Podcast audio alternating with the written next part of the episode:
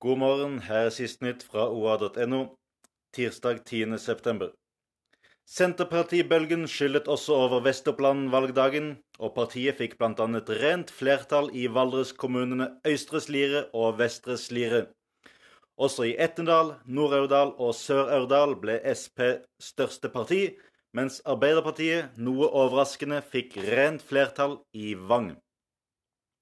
Mer spenning er det på Toten, i Land og Gjøvik.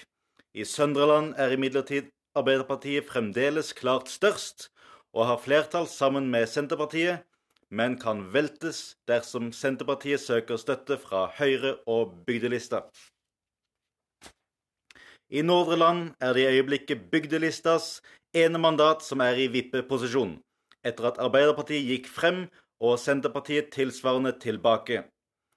I Østre Toten må Arbeiderpartiet ha støtte fra både SV, Rødt, Venstre og Miljøpartiet for å beholde makten, men fintellingen kan ennå bikke resultatet andre veien. I Vestre Toten jublet Arbeiderpartiet over valgseier i natt, men er avhengig av Miljøpartiet De Grønne for å få flertall sammen med SV og Rødt. Hvis MDG søker makt sammen med Senterpartiet, Høyre og Fremskrittspartiet, blir det skifte også i Vestre Toten.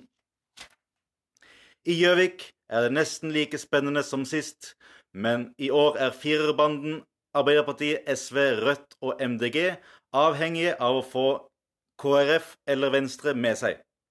Venstres listetopp har allerede gratulert Torvild Sveen fra Senterpartiet. Nå avhenger det hele av om KrF vil samarbeide med Senterpartiet, Venstre, Høyre og Fremskrittspartiet.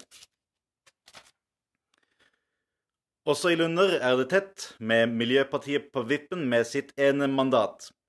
I Jevnaker har Arbeiderpartiet og SV klart mens Senterpartiets store fremgang i Gran gjør at det her er helt åpent hvilken konstellasjon som vinner frem. Se alle resultater, les reaksjoner og analyser, og følg med på alt annet som skjer i Vesterplan på oa.no.